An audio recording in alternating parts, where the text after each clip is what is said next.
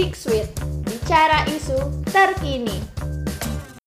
Halo teman-teman semua, kembali lagi di podcast Big Sweet, bicara isu terkini. Sama aku Audia, di podcast kali ini kita bakal bahas tentang monkeypox atau yang biasa kita tahu sebagai cacar monyet. Nah, hari ini spesial nih teman-teman, karena aku nggak sendiri, kita kedatangan gestar dari salah satu perwakilan BMKM FK UNER, yaitu ada Mas Hanif. Halo Mas Hanif. Halo uh, Mbak Audi. Sebelumnya perkenalkan nama saya Hanif Ibrahim, saya dari Fakultas Kedokteran Universitas Erlangga. Saya merasa sangat senang dan bangga bisa sharing bersama teman-teman khususnya dari Fakultas Kesehatan Masyarakat Universitas Airlangga. Wah, kita juga makasih banget uh, Mas Hanif udah ngeluangin waktunya untuk uh, jadi bintang tamu kita nih Mas di podcast pada hari ini.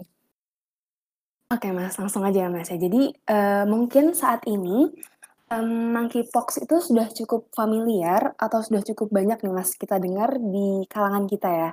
Karena ternyata setelah COVID ada lagi nih Mas ternyata penyakit yang masuk ke dalam kategori darurat kesehatan. Tapi mungkin ada juga nih Mas teman-teman yang belum tahu sebenarnya apa sih Mas monkeypox itu? Oke, baik. Jadi uh, aku cerita dari latar belakangnya ya monkeypox. Hmm. Nah, eh, monkeypox sendiri merupakan bahasa Indonesia ya cacar monyet adalah sebuah penyakit zoonosis langka yang disebabkan oleh infeksi virus monkeypox yang ada dalam genus Orthopox virus yang eh, di dalamnya famili Poxviridae. Nah, eh, dalam sejarahnya ya cacar monyet itu pertama kali ditemukan di tahun 1958. Nah, hmm. eh, tapi eh, pertama kali menginfeksi manusia itu di tahun 1970.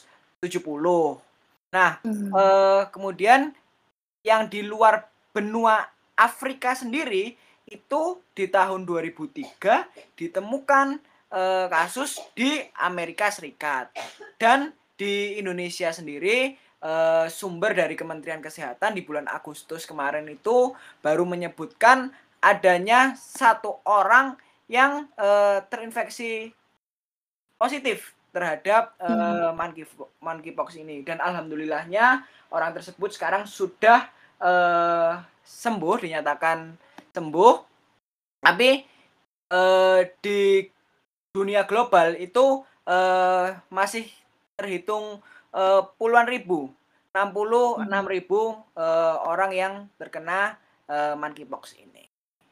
Oke, seperti itu sedikit pengantar. Uh, mungkin bisa diceritain sedikit juga nih mas, sebenarnya apa sih mas sign and symptom dari monkeypox itu yang harus kita waspadai nih, misalkan kita ngerasain atau kita melihat gejalanya gitu mas. Oke, Gejala klinisnya, monkeypox itu hmm. mirip sekali dengan smallpox, namun e, lebih ringan. Nah, masa inkubasinya sendiri itu antara 6 hingga 16 hari.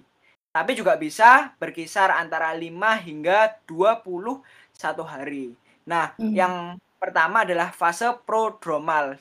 Kira-kira di 1 hingga 3 hari awal. Ada demam, sakit kepala hebat, limfadenopati eh, bahasa mudahnya adalah pembengkakan kelenjar getah bening hmm. yang ada di daerah leher itu terus ada nyeri punggung, nyeri otot dan lemas.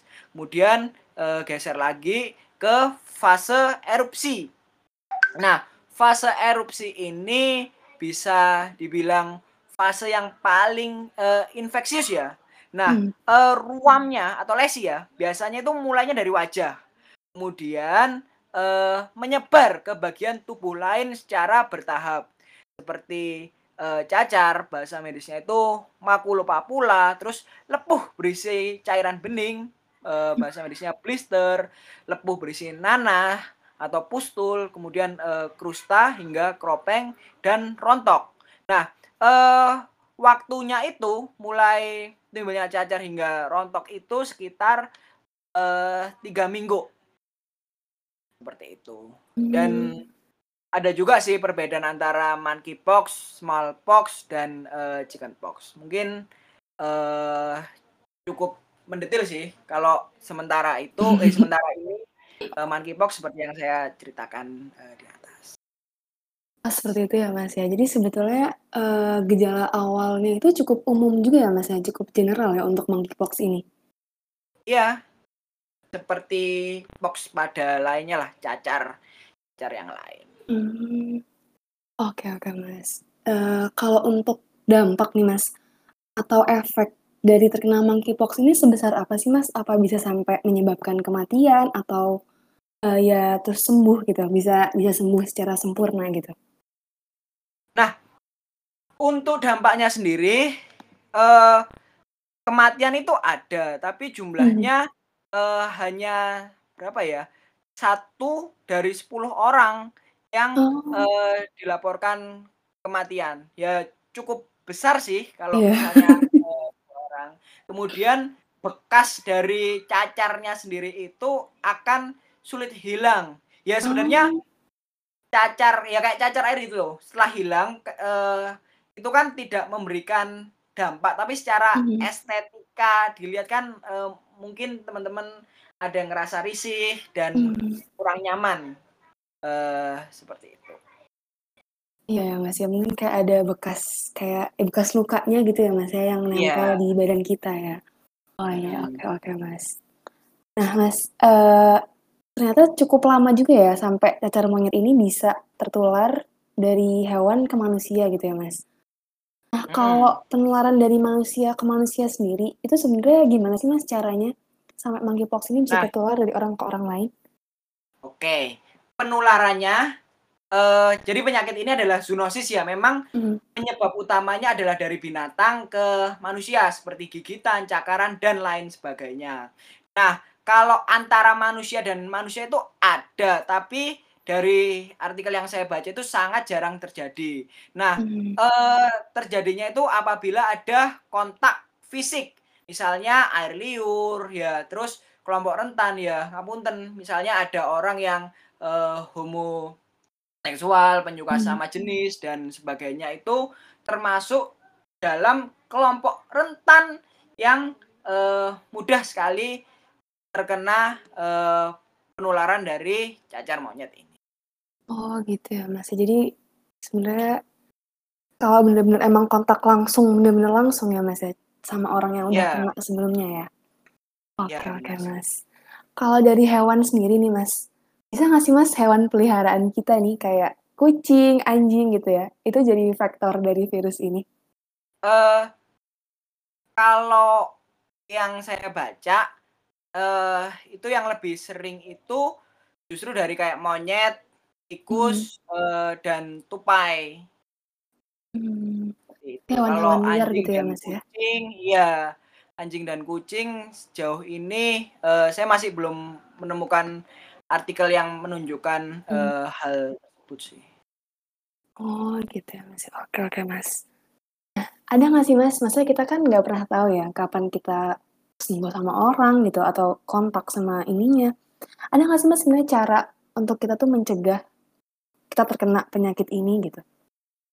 Nah, pencegahan tentu aja ada ya. Mmm. saya jadi inget, mencegah lebih baik daripada mengobati. Dan pencegahan itu merupakan salah satu domain dari teman-teman, eee, FKM khususnya. Nah, yang Betul, pertama pencegahannya adalah menghindari kontak dengan hewan-hewan terinfeksi, kemudian menghindari kontak dengan barang-barang yang terinfeksi, kemudian pasien yang terinfeksi itu diisolasi, kemudian, Mmm. eee, melakukan perilaku hidup bersih dan sehat, cuci tangan pakai sabun, eee, dan, eee, penderita itu me lakukan apa ya, menggunakan alat pelindung diri agar tidak, eee, menyebar yang lain. Kemudian di tingkat, eee, pemerintah juga harus bisa berkoordinasi dengan, lembaga-lembaga terkait, misalnya kayak KKP. KKP itu, pelabuhan, bandara, Mmm. agar penyakit penyakit ini kan sebenarnya penyakit impor ya, dari luar Iya. negeri, supaya tidak, eee, masuk ke Indonesia.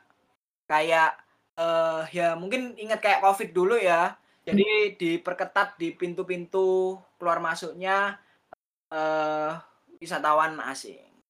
Oke nih. Mas. Tadi, eee, ngelanjutin ya, Mas, ya, dari segi kebijakan pemerintah dalam menghadapi monkeypox ini.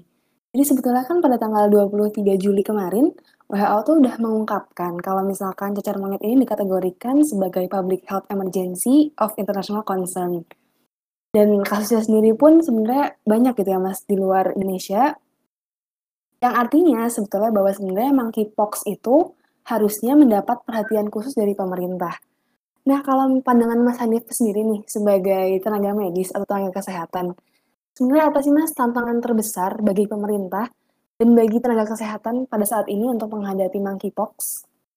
Oke, tantangan terbesar eh, bagi pemerintah ya mungkin kalau kita bicara terkait pemerintah dan sistem kesehatan di Indonesia hmm. masih banyak sekali eh, PR yang perlu eh, diselesaikan. Ya, contohnya hmm. itu anggaran ya APBN di Indonesia hmm. itu masih di bawah eh, 10%. Jadi kita ngerti saat kemarin pandemi itu kan banyak sekali fasilitas kesehatan yang eh, kurang eh, mendapat eh, perhatian. Terus luasan Indonesia itu benar-benar luas. Mulai hmm. Sabang sampai Merauke. Itu setara dengan luas di Eropa. Jadi hmm.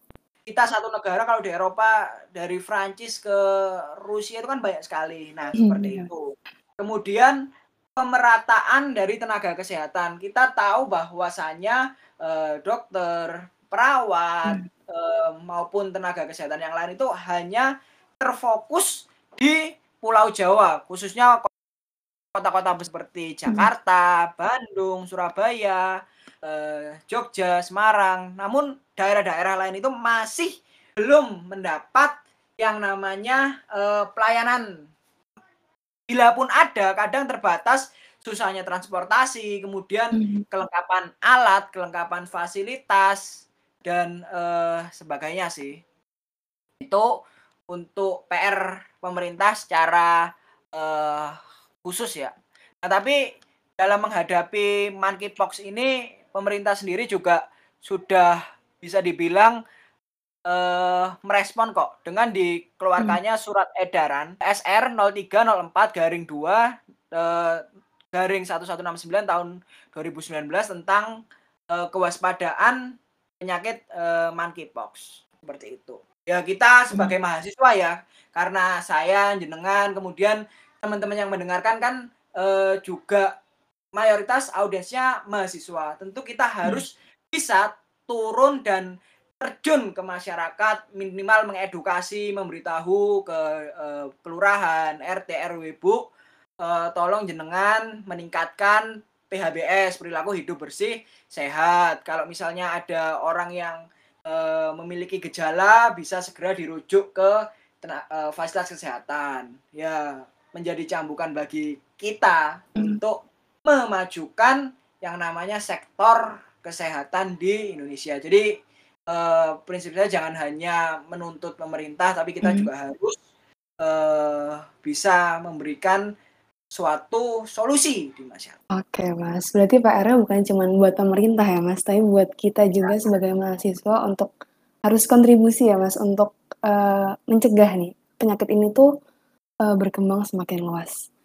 Nah, ya. um, ngomong-ngomong perkembangan monkeypox sih, Mas. Uh, mungkin nggak sih, Mas, sebenarnya kalau monkeypox ini uh, berkembang seperti COVID yang akhirnya tuh menjadi pandemi? Oke, uh, ini saya mengutip dari salah satu uh, epidemiolog dari Griffith University Australia, hmm. uh, Diki Budiman ya.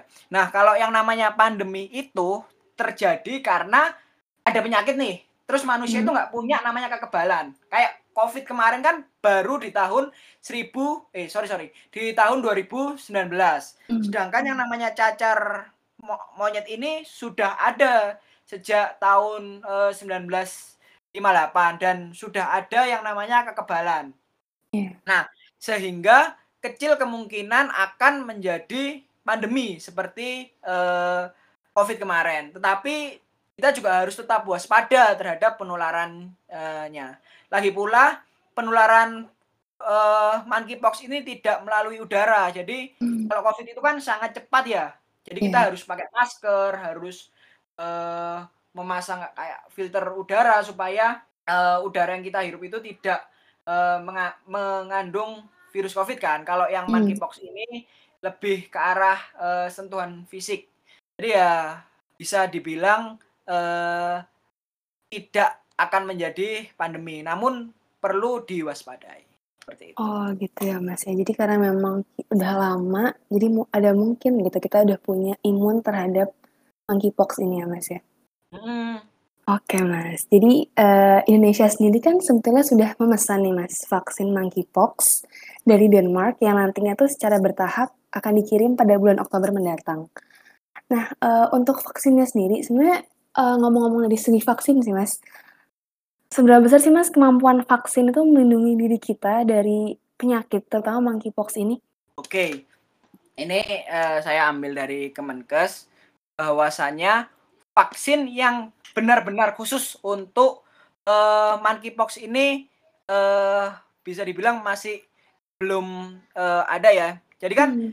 virus virus itu kan keluarganya banyak, yang tadi saya Iya. cerita ada chickenpox, smallpox, dan lainnya. Yang kita gunakan itu, eee, masih, eee, vaksin yang untuk, eee, jenis lain.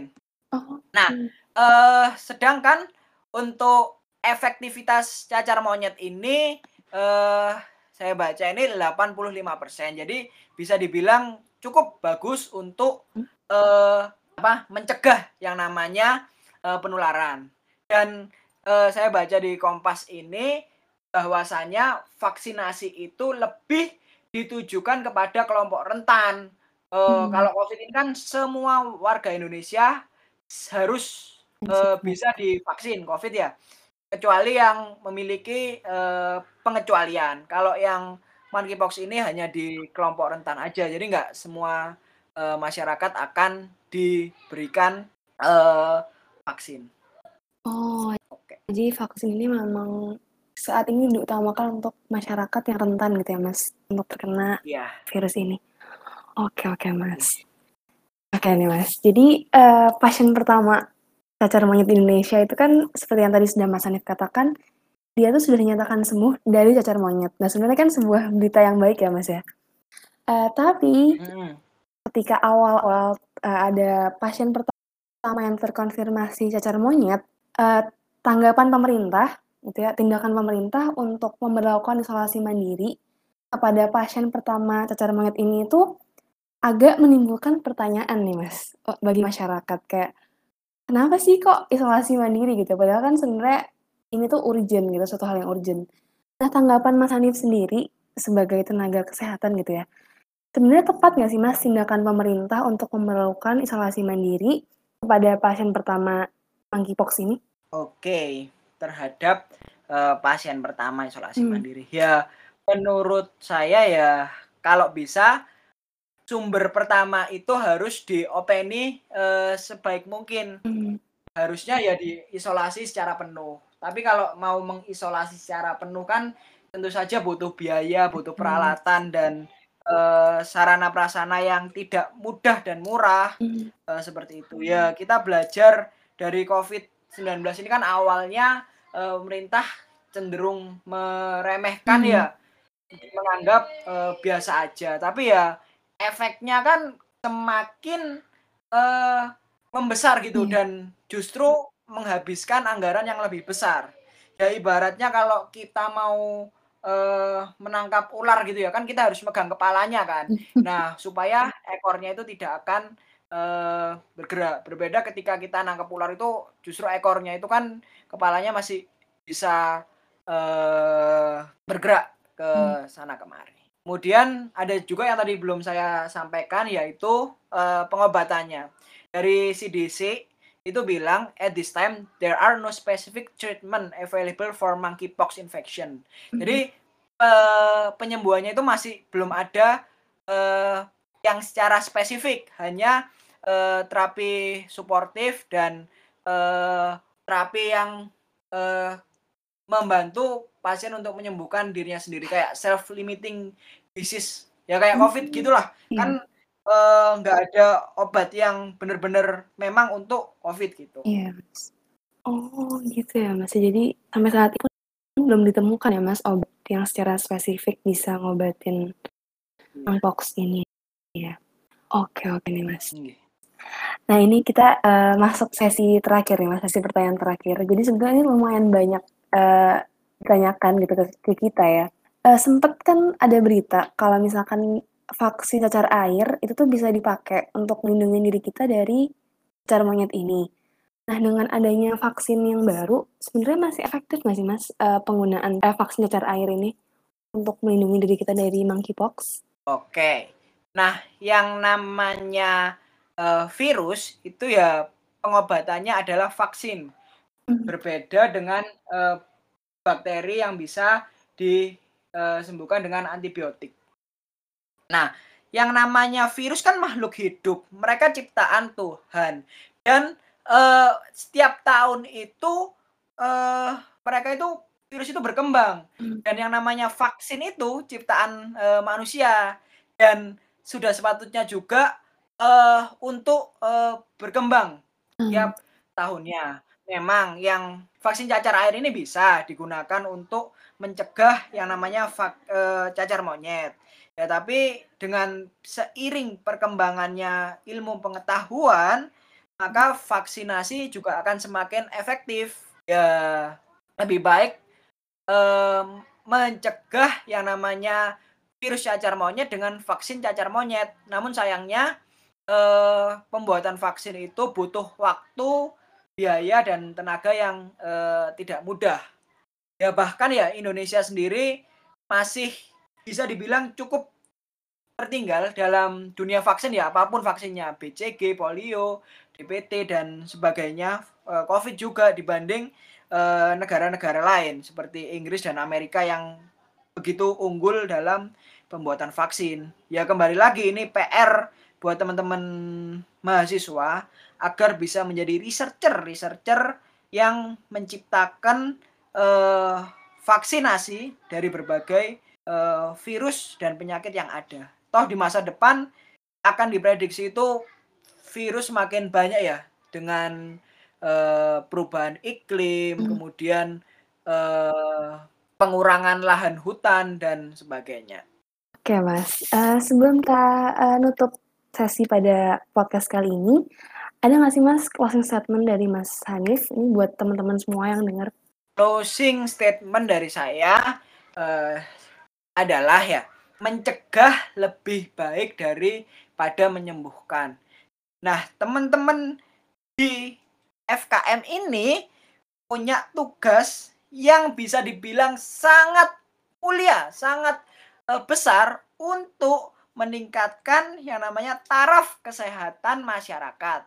Teman-teman bisa duduk di bangku FKM merupakan sebuah anugerah dari Tuhan karena banyak sekali orang yang ingin uh, berkuliah namun memiliki keterbatasan, entah itu biaya, entah itu akses, entah itu hambatan hambatan-hambatan yang lain sehingga saya harap teman-teman di sini semakin rajin untuk belajar, semakin rajin untuk membaca, menulis dan berkontribusi besar pada kesehatan masyarakat. Toh teman-teman di Universitas Airlangga dididik untuk menjadi seorang pimpinan di tingkat nasional maupun internasional di masa depan.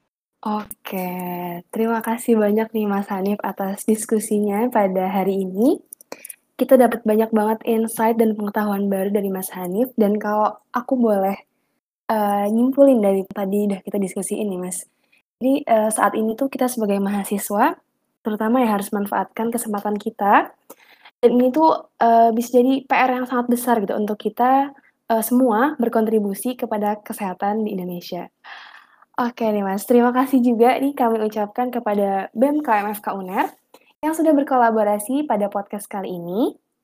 Untuk teman-teman semua yang mau request topik untuk podcast Big Switch selanjutnya, bisa langsung DM di IG at dan nantikan terus episode selanjutnya dari Big Switch. Terima kasih sekali lagi kepada Mas Hanif uh, sebagai narasumber kita pada episode kali ini. Terima kasih juga kepada teman-teman semua yang sudah mendengarkan episode kali ini. Sampai jumpa di episode selanjutnya. Alhamdulillah. Makasih semuanya. Semoga bermanfaat. Kalau ada kurangnya mohon maaf. Wabillahi taufiq wal hidayah. Wassalamualaikum warahmatullahi wabarakatuh. Sampai jumpa. Waalaikumsalam warahmatullahi wabarakatuh. Makasih Mas Hanif.